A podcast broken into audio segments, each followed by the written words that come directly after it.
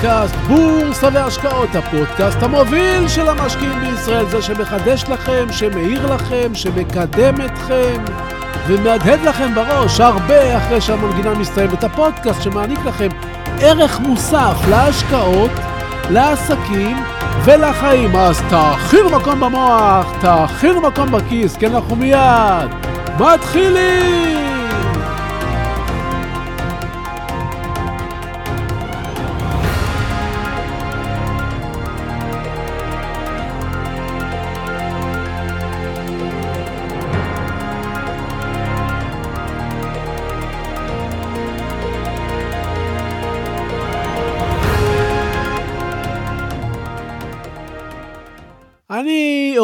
הצגות תיאטרון. כשאתה יושב באולם בחושך, בתיאטרון, ודמויות אמיתיות מופיעות לפניך בשפה שלך, אתה מצליח להיכנס לעומקים, וזו חוויה שסרט דווקא מתקשה לתת לך. אחת ההצגות האלמותיות התחילה בכלל בספר שכתב שלום עליכם בשנת 1894 בשם טוביה החולב.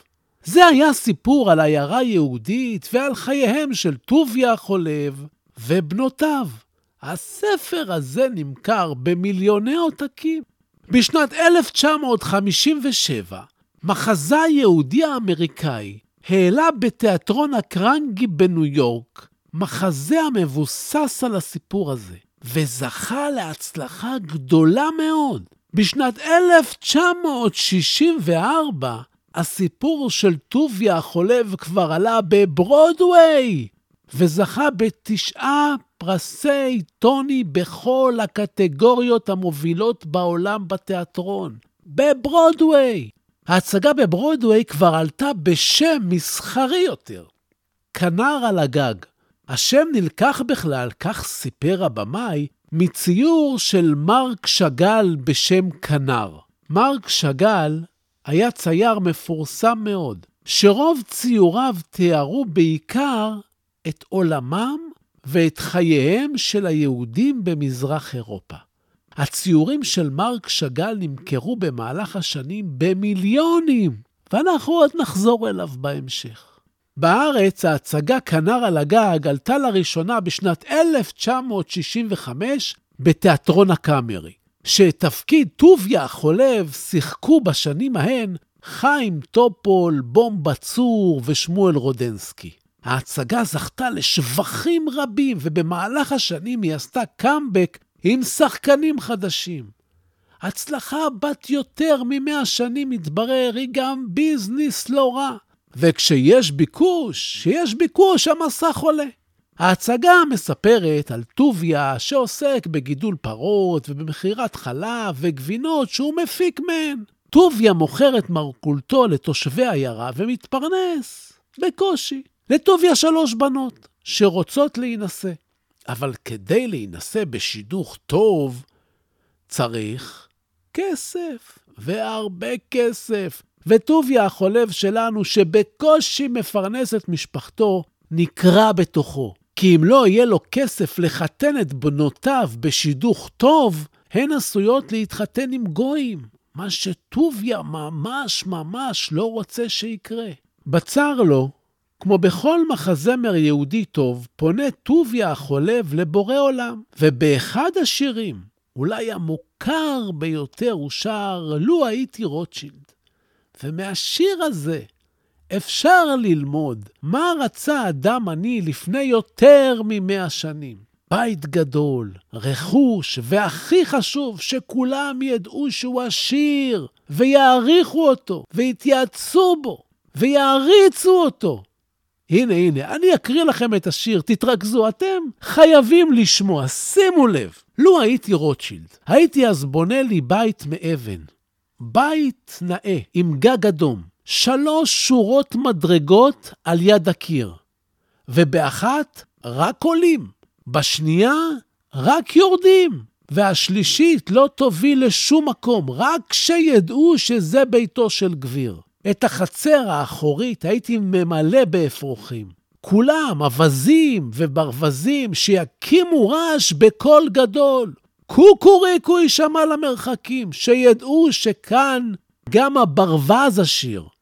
לו הייתי רוטשילד, וזוגתי גולדה שם על המרפסת, עם סנטר כפול מתאים כמו אשתו של רב קלמן הפרנס.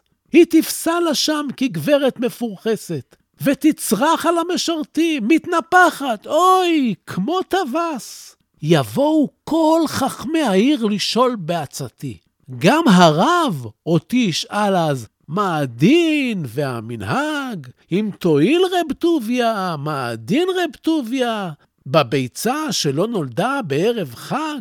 לעולם שום איש לא יעיר לי אם טעיתי בדבריי, כי הגביר צודק תמיד, ודי. ואז אוכל סוף סוף בבית מדרש לשבת, ללמוד כל הימים, ולשבת סוף סוף על כותל המזרח, ולהתפלל, ולהתפלפל קצת על רש"י עם כל תלמידי החכמים, וזה יהיה חלום נפלא. לו הייתי רוטשילד, או אלי החי והקיים, העוזר דלים ומושיעם, מה היה נגרע כבר בעולם, לו הייתי קצת, לו הייתי קצת עשיר. זה סוף השיר. נו, כמעט לא השתנה כלום מאז, אבל רגע, רגע, רגע. אותו רוטשילד, איך, איך הוא עשה את הכסף שלו? ממה, ממה הוא התעשר? חלבן הוא בטוח לא היה. אז במה הוא עסק? בבורס, בבורסה? כן, ככה משפחת רוטשילד עשו את עונם. חכו, חכו, אני מיד אספר לכם. שלום וברוכים הבאים לפודקאסט בורסה והשקעות, הפודקאסט המוביל של המשקיעים בישראל. והיום נדבר על כסף, נדבר על רוטשילד, נדבר על אומנות, נדבר על השקעות, רעיונות וכמובן עוד דברים מעוררי חשיבה. אז תהיו ממוקדים, תכינו מקום במוח, תכינו מקום בכיס, כי אנחנו מיד ממשיכים!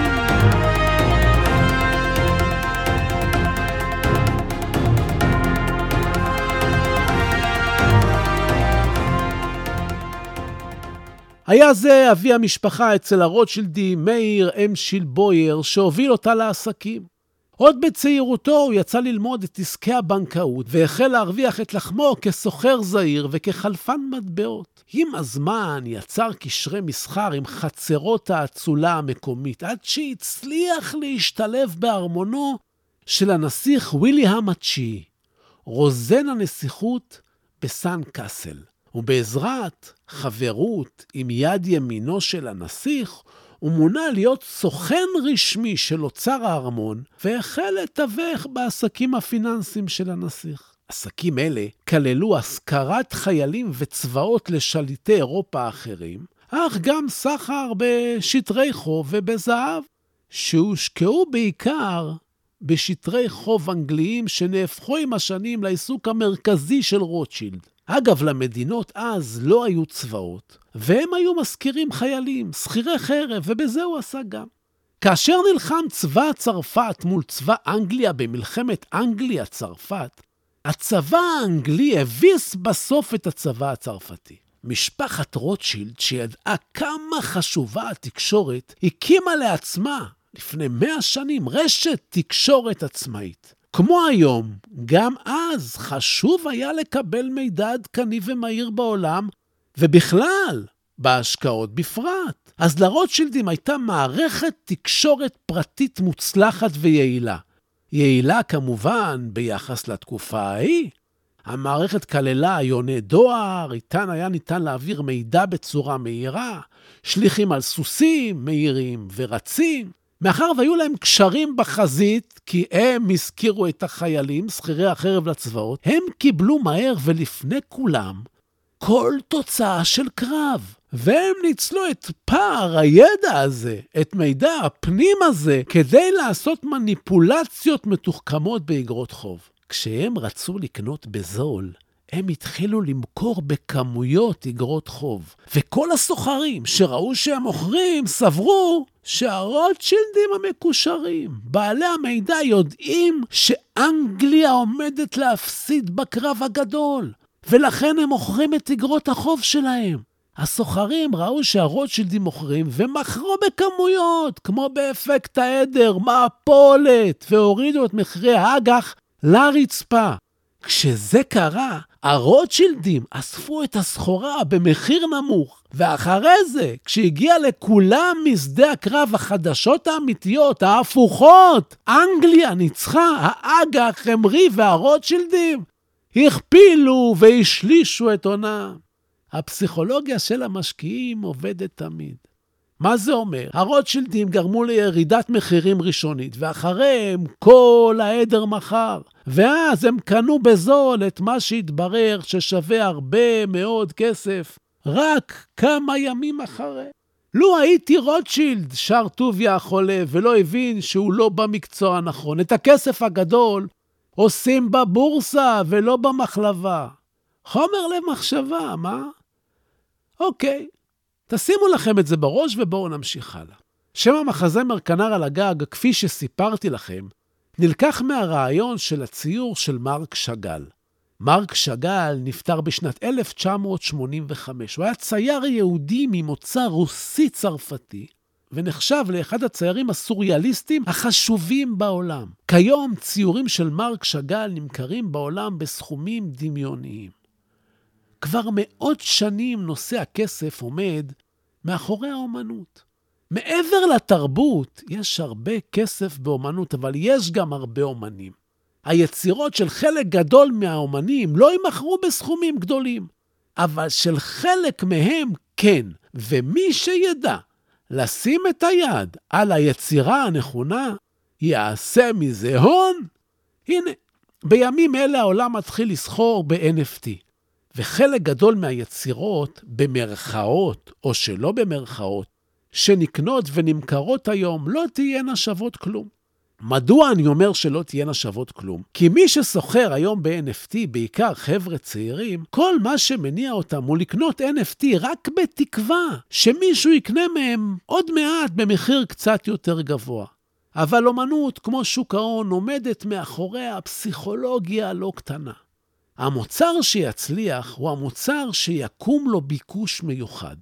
ומהו ביקוש מיוחד? קחו למשל את ה-NFT של אוסף הקופים המשועממים. אם אתם לא בעניינים, אז מדובר בתמונה של קוף מתוך סדרה, שמחירו 250 אלף דולר. הוא מהווה כבר סמל סטטוס, כי מחירו הגבוה פונה לפלח שוק מסוים, לקהל עשיר, בדיוק כמו שעון רולקס או פטק פיליפ.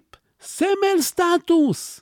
מי שרכש קוף משועמם מאותה סדרה, בין היתר הם שאקיל אוניל למשל, וסנופ דוג, וסרינה וויליאמס, ונאמר שהקוף שלהם מהסדרה הזו מאתר את הפרופיל שלהם ברשת. הסנסציה התרבותית הזאת של הקוף היא כבר סמל סטטוס של מועדון סגור של עשירים שקונים את אחת הדמויות של הקופים המשועממים ונכנסים לקליק הסגורה. עכשיו אתם יכולים לצייר ולייצר קופים יותר יפים, אבל אף אחד מהם לא יהיה שווה 250 אלף דולר. למה? מה הסוד?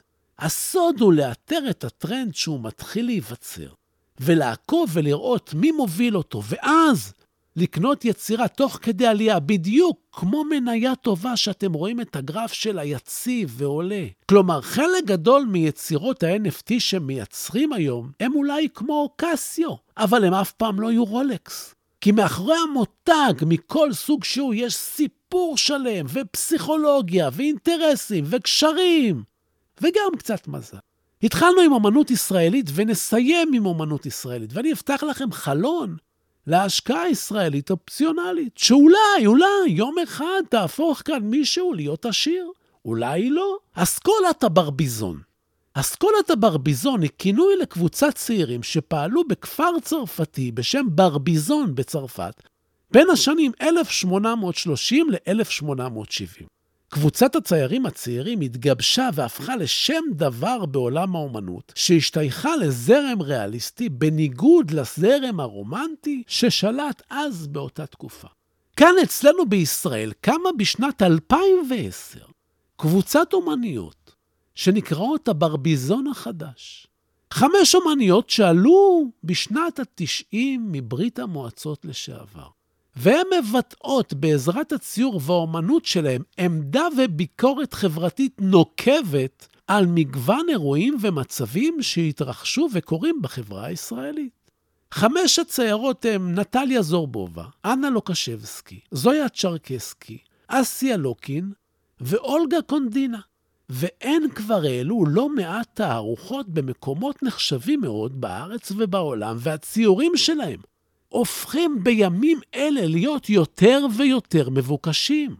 ומחירם עולה ועולה. ציור של זויה צ'רקסקי, למשל, נמכר בבית המכירות הפומביות תירוש לא מזמן, במחיר שיא של יותר מ-86 אלף דולר. הציור צויר בשנת 2014, כלומר, לא מדובר ביצירה ישנה. ויכול להיות שיש כאן בין בנות הברביזון את הדבר הגדול הבא בעולם האומנות. אני לא מתיימר להיות אנליסט של אומנות, אני רק מחבר לכם שמות ועולמות ופותח לכם אופקים חדשים כדי שתוכלו לחשוב ולחדד טוב יותר את הקודקוד. אז מה שנותר לכם לעשות זה לגשת לגוגל ולהתחיל לקרוא יותר על הברביזון, כי אולי משם תתחיל השקעה לא פחות מעניינת מה-NFT. ועכשיו, עכשיו לפינת הטיפים שלנו.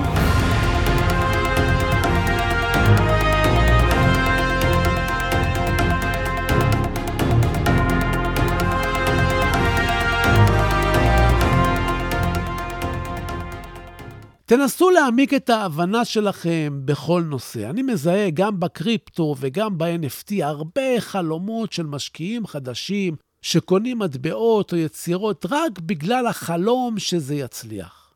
בתחילת כל גל משקיעים מוכרים זה לזה את המטבעות והיצירות, וזה יוצר תנועה שגורמת לנו לחשוב שיש כאן משהו גדול, אבל בשלב מסוים זה נעצר. כי כמות המאמינים מוגבלת. ואז אתם נשארים עם מטבע או יצירה שלא זזים, ובהמשך גם אף אחד אחר לא ירצה לקנות מכם.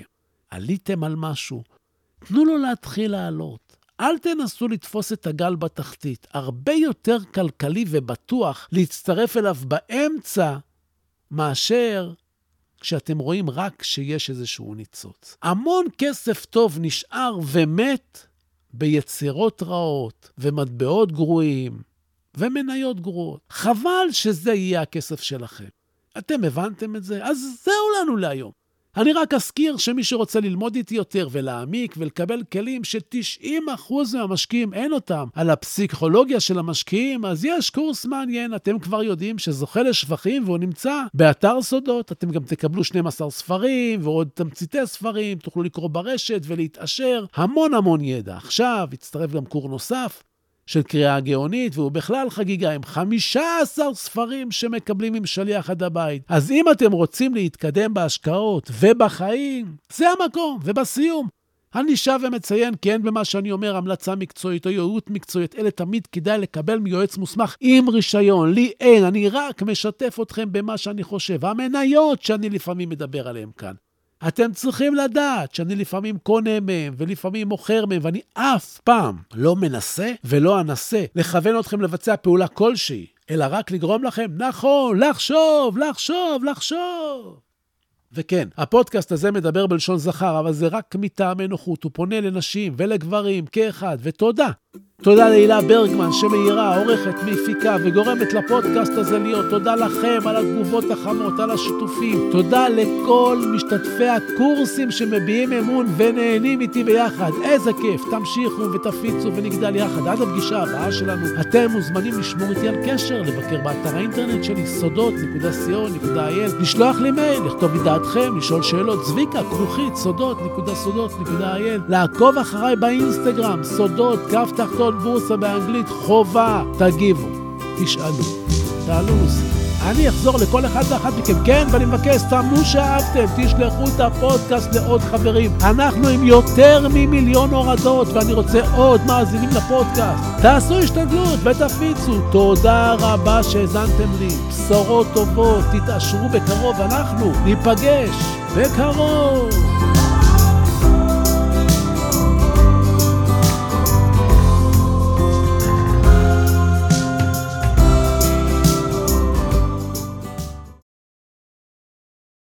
נאום ההכתרה של נלסון מנדלה. הפחד העמוק ביותר שלנו אינו מפני חוסר היכולת.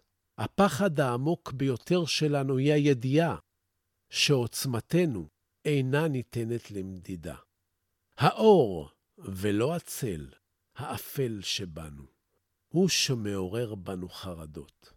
כל אחד מאיתנו שואל את עצמו, מי אני שאוכל להרשות לעצמי להיות כל כך מבריק, מקסים, מוכשר ומאושר? למעשה, מי אתה שתרשה לעצמך לא להיות כזה? אנחנו ילדים של אלוהים. כשאנחנו בוחרים לשחק את המשחק הקטן, אנחנו לא משרתים את העולם. אין שום דבר נאור או מואר בצמצום האישיות שלנו, רק כדי שאנשים ירגישו נוח בחברתנו. נולדנו כדי לממש את הקסם האלוהי הגדול בנו, הוא לא גלום רק בחלק מאיתנו. כל אחד מאיתנו נושא את הקסם הזה בתוכו. כאשר אנו מרשים לאור הפנימי שלנו לזרוח באופן בלתי מודע, אנו מאפשרים לאחרים לעשות את אותו דבר כאשר אנו משתחררים מהפחדים שלנו. הנוכחות שלנו משחררת אחרים. נלסון מנדלה, 1994